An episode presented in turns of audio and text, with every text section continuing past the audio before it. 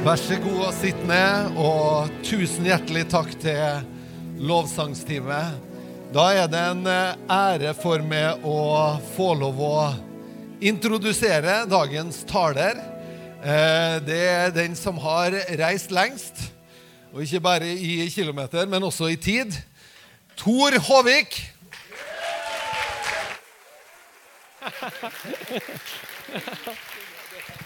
Ja, det kan stå litt.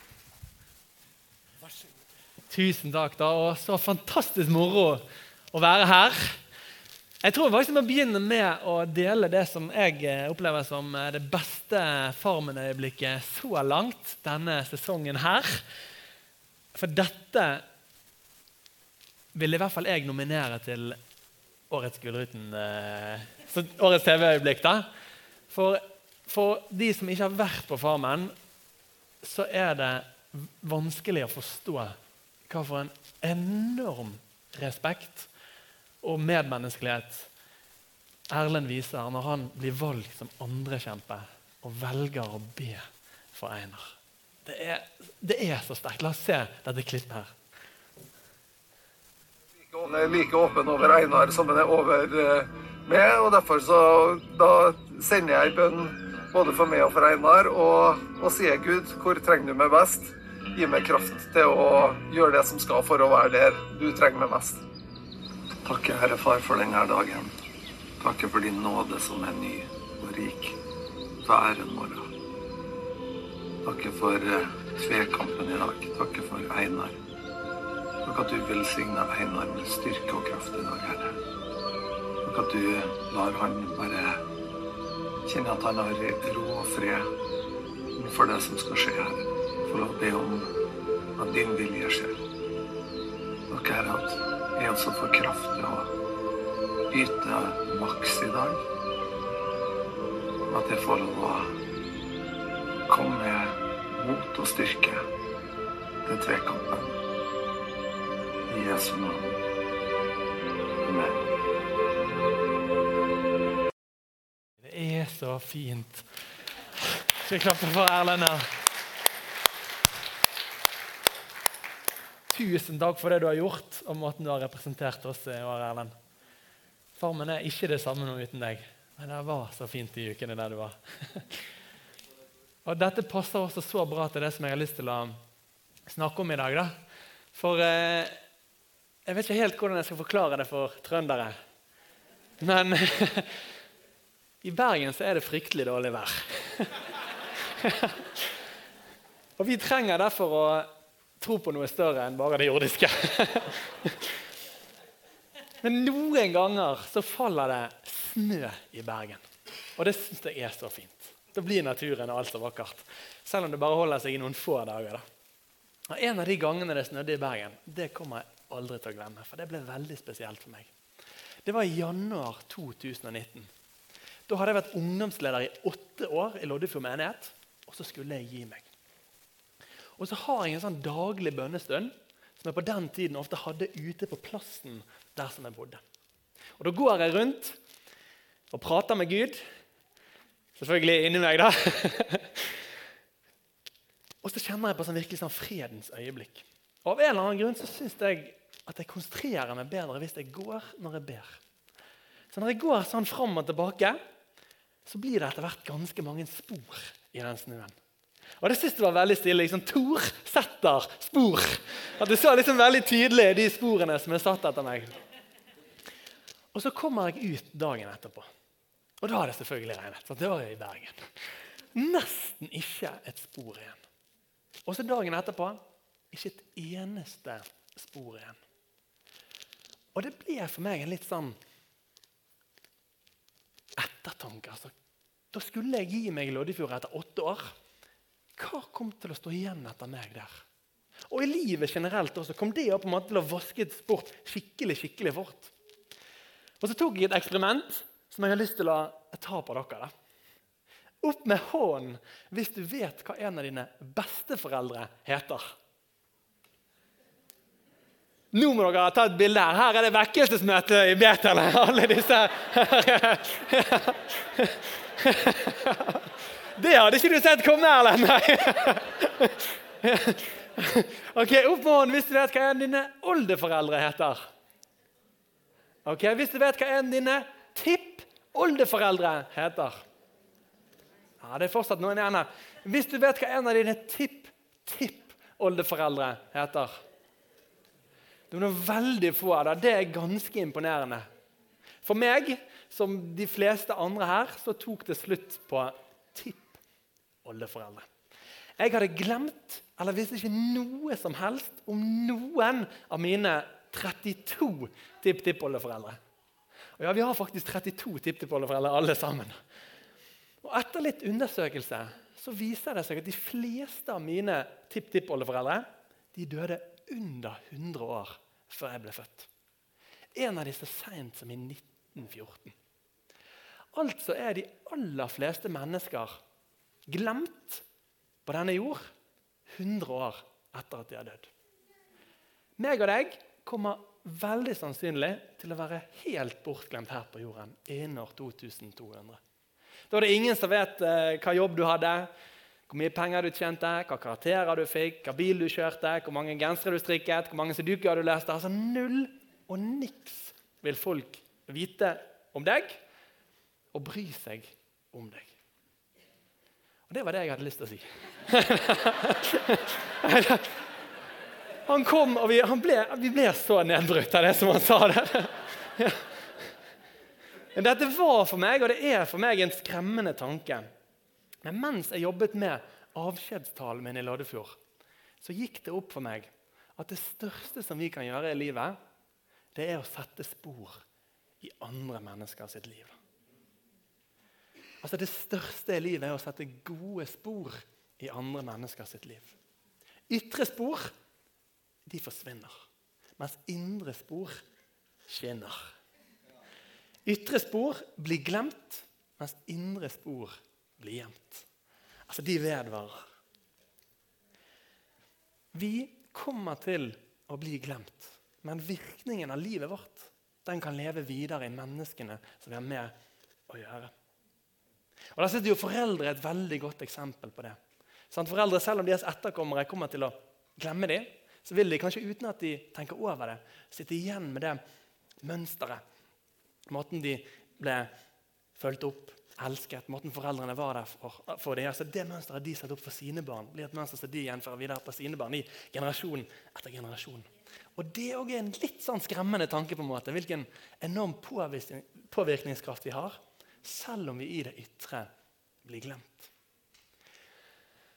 Og så har jeg og det, det, har på en måte vært min motivasjon da, i det å bli prest og som ungdomsleder og forkynner.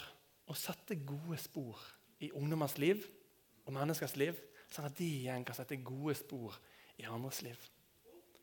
Og så har jeg tenkt Tenk om jeg i himmelen den dagen når jeg dør, skulle møte en venn eller en tidligere konfirmant som når hun eller han på en måte ser tilbake igjen på livet sitt oppriktig kan si Tor, vet du, hadde ikke det vært for deg Eller hadde ikke det vært for måten Jesus brukte deg på, så ville jeg ha valgt Gud bort og ikke vært her nå.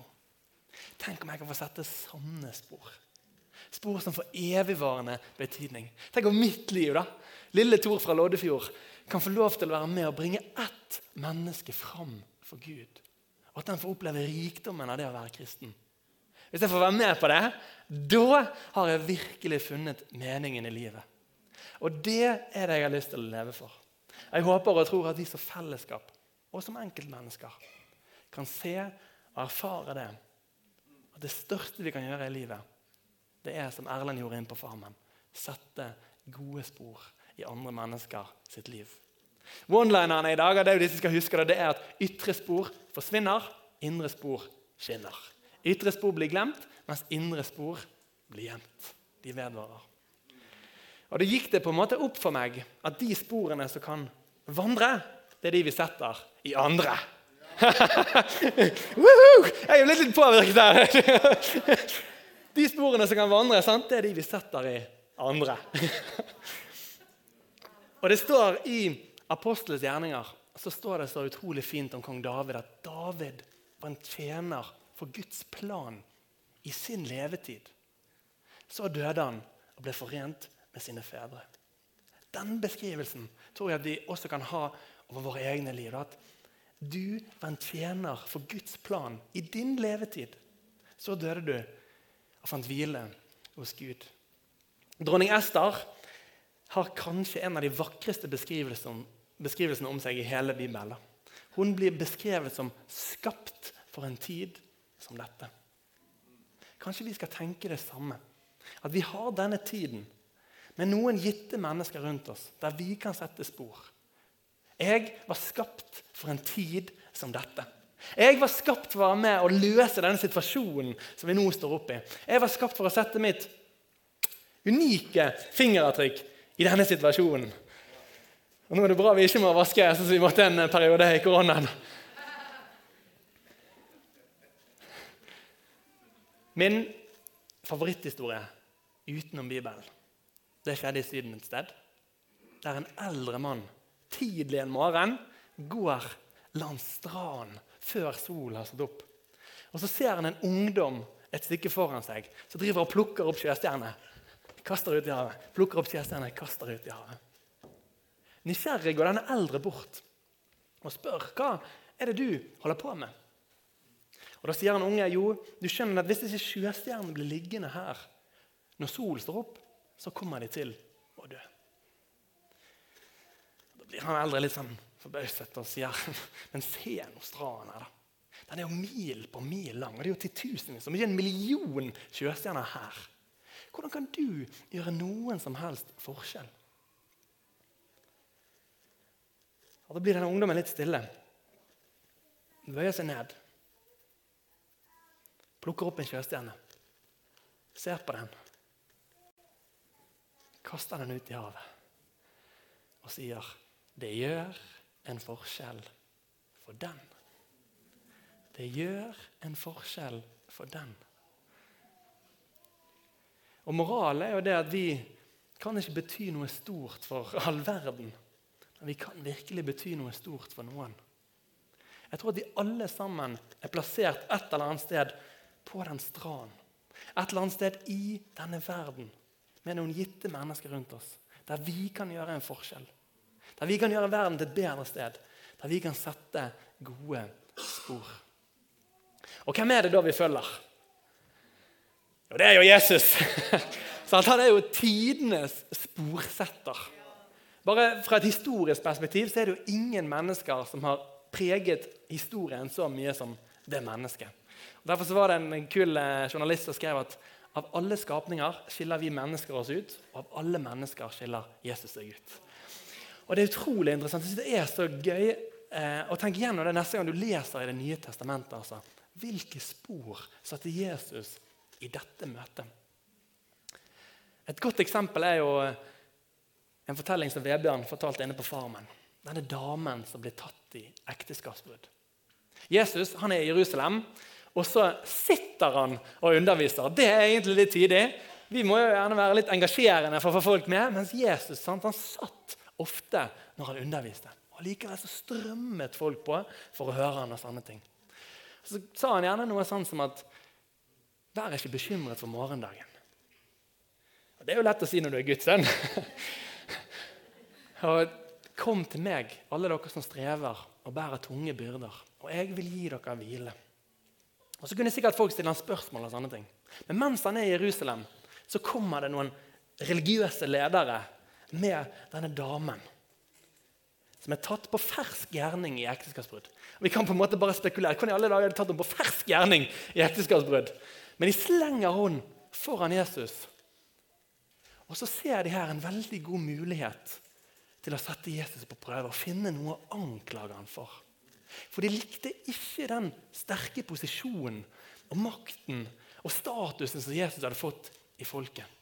Så de sier, 'Mester, i loven så står det at vi skal steine sånne personer.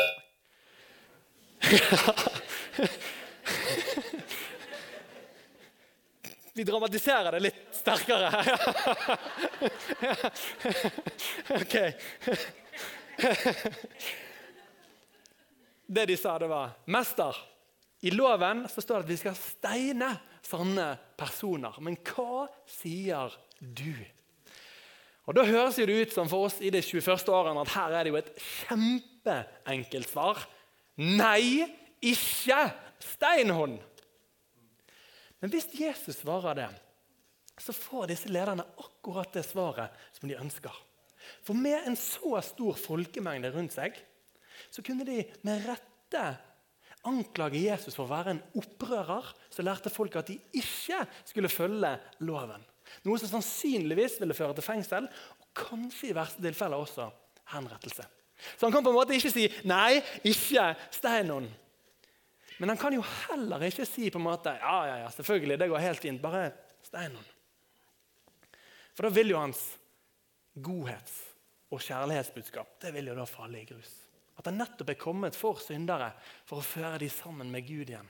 Det ville jo bli sett på som løgn. Han ville opp, bli oppfattet som ond. Så hva skal han svare? Han kan ikke si ja, og han kan ikke si nei.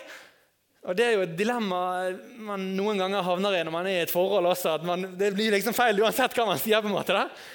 Så hva gjør Jesus her? Han, er liksom, han bøyer seg rett og slett bare ned og skriver i sanden. Og det tror jeg at han tenker. Hva i alle dager skal jeg svare nå? og så fortsetter de å spørre han. Og da retter han seg opp. Og så sier han, 'Den av dere som er uten synd, kan få kaste den første steinen.' Og det tror jeg at disse lederne står rundt denne damen. Og så ser den ene på den andre og sier han, hiv, ta, hiv, hiv først du. Hiv først du. Og så sier han nei, nei jeg kan ikke hive først jeg. Hiv, hiv, hiv først du. Og så går det opp for dem at hvis de sjøl skal dømmes etter loven, så står de alle skyldige. Alle har de syndet, og ingen av dem våger å være den første som hiver steinen. Så en etter en så går de bort fra denne damen. Og Jesus blir stående alene igjen med henne og spør har ingen fordømt deg. Og så har han nei, Herre, ingen. Og Så sier Jesus heller ikke jeg fordømmer deg. Gå bort og synd ikke mer fra nå av. Jesus sier på en måte ikke at det er greit, det som hun har gjort. Men han viser henne nåde og kjærlighet som med all sannsynlighet får henne inn på en ny vei. Jesusveien. Hun får livet sitt tilbake igjen. Og Så utfordrer Jesus henne på å leve i fellesskap med seg og vende seg bort fra urett handling. Og Vi kan bare spekulere i hvilken enorme følger og spor det må ha satt i hennes liv. Men dette her, da, det er det som fascinerer meg mest med Jesus. Ikke hans lære, selv om den er ufattelig vis og unik. Heller ikke hans mirakler, selv om de er mektige og vidunderlige. Det som fascinerer meg mest med Jesus, det er måten han møtte mennesker på. Vi har utrolig mye å lære av måten han møtte mennesker på. Vi kan kanskje se det litt på Farmen de første ukene. Erlend, du er et godt redskap. Men han var ikke opptatt av tilhengere, han var opptatt av hjerter, opptatt av venner, opptatt av å føre mennesker sammen med Gud igjen. Og Han ser folk på en unik måte, med stor verdi. Og så setter han dype, dype spor. Et annet eksempel på dette det er en gang når Jesus fikk her inn i en liten by som heter Kapernaum. Og Så får folk høre om at Jesus er der, og da samler det seg så mye mennesker at en kompisgjeng på fire ikke klarer å komme inn i det forsamlingshuset som Jesus er. Og denne Kompisgjengen på fire de har med seg en venn som er lam, og som ligger på en båre. Og Så finner de ut det er jo litt crazy folk. Så finner de ut at kanskje vi skal prøve å klatre opp på taket og fjerne taksteinen. Og fire var venn ned. Og Da sitter Jesus inne og underviser. Kanskje han lærte de Fader var, eller noe annet. Og så hører man bare at det begynner å knake i taket. Smuss og skit begynner å falle ned, og litt sollys titter inn. Tror folk begynner å tenke hva i alle dager er det som skjer nå? Og så ser vi det, da. At en lam mann blir fyrt ned rett foran der som Jesus sitter. Og Da er det nok mange ulike tanker i det rommet. Hva skal Jesus gjøre nå? Disiplene tenkte kanskje sånn her, Hvordan våger de å forstyrre mesteren når han taler? liksom? Ingen skal forstyrre han når han underviser. Disse vennene tenkte kanskje sånn Kommer han til å helbrede vår venn? Skjer det under?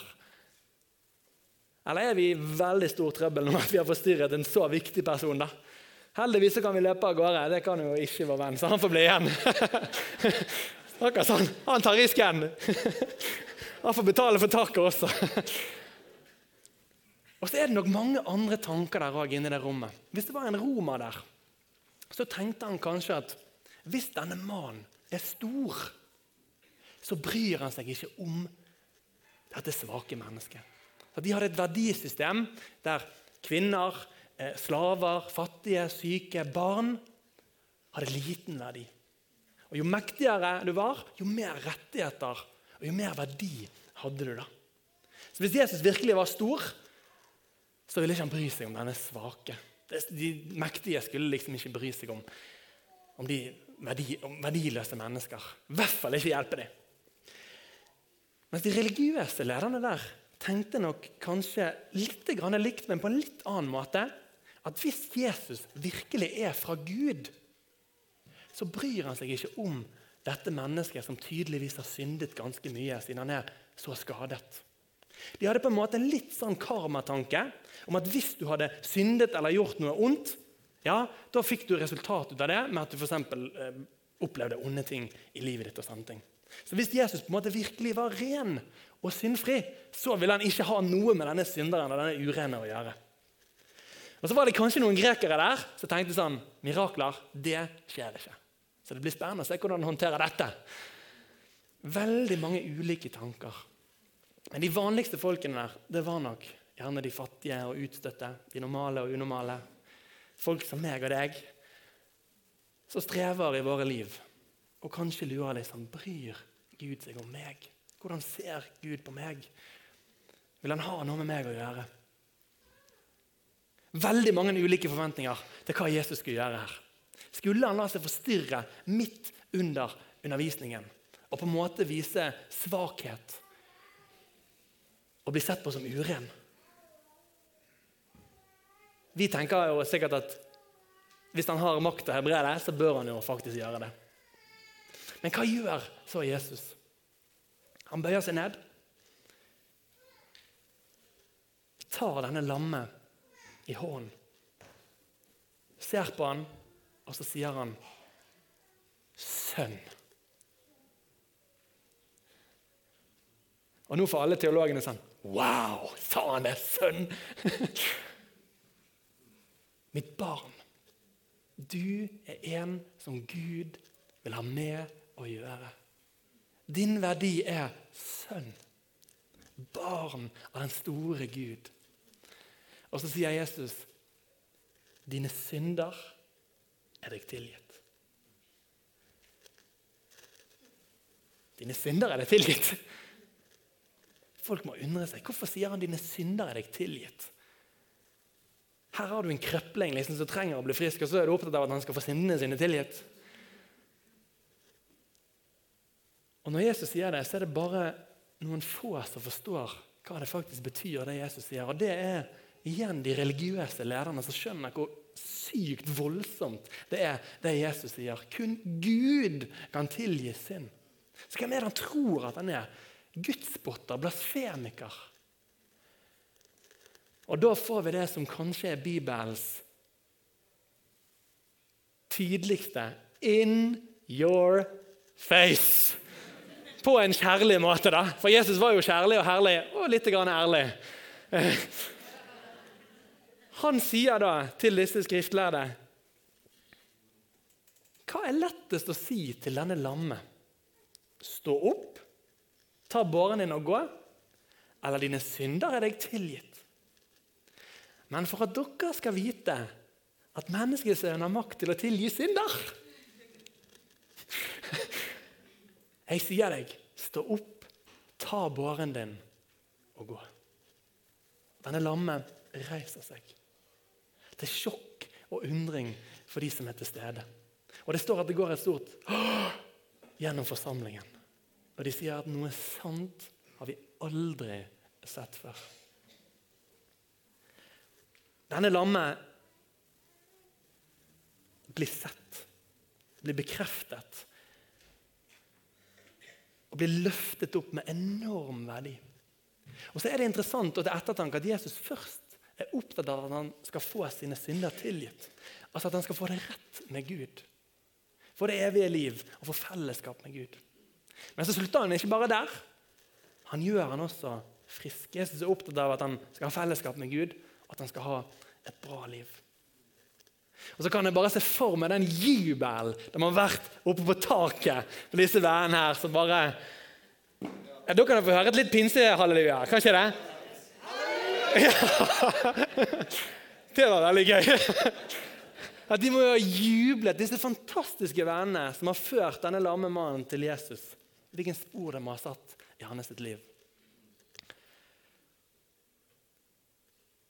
Under andre verdenskrig så var det en engelskmann som lå for døden i en skyttergrav. Og Så kommer det en venn bort til ham og spør er det noe jeg kan gjøre for deg. Og Da svarer denne personen at nei, vet du, jeg vet nå at jeg kommer til å dø. Så sier vennen, men er det noen i England som jeg kan sende en hilsen tilbake igjen til?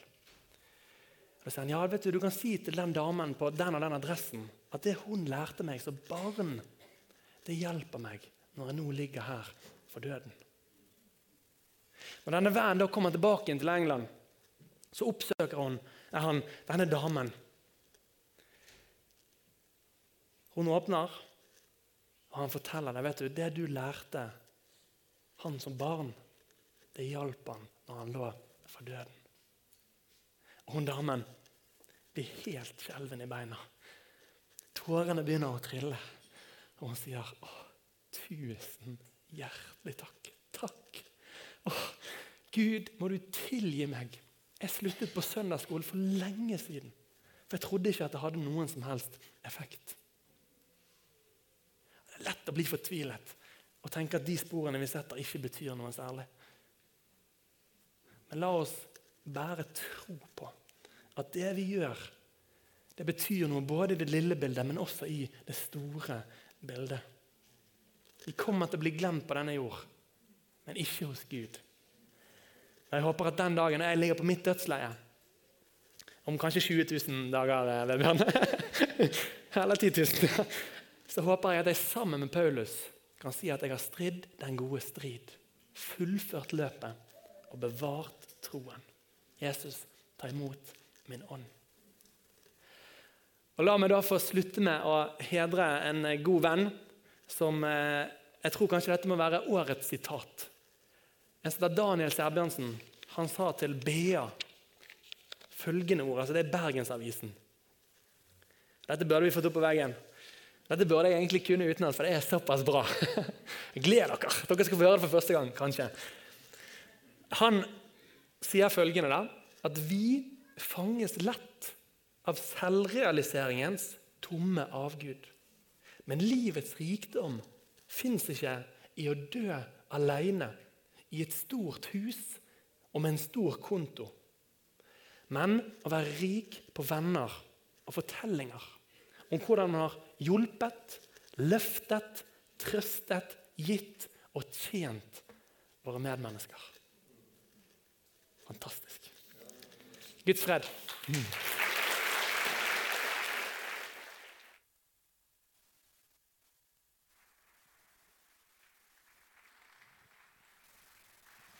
Hei, og takk for at du har sett på eh, en tale fra Betel Trondheim. Nå kanskje du sitter igjen med spørsmål og et behov for å snakke med noen. Da er du hjertelig velkommen til å ta kontakt med oss.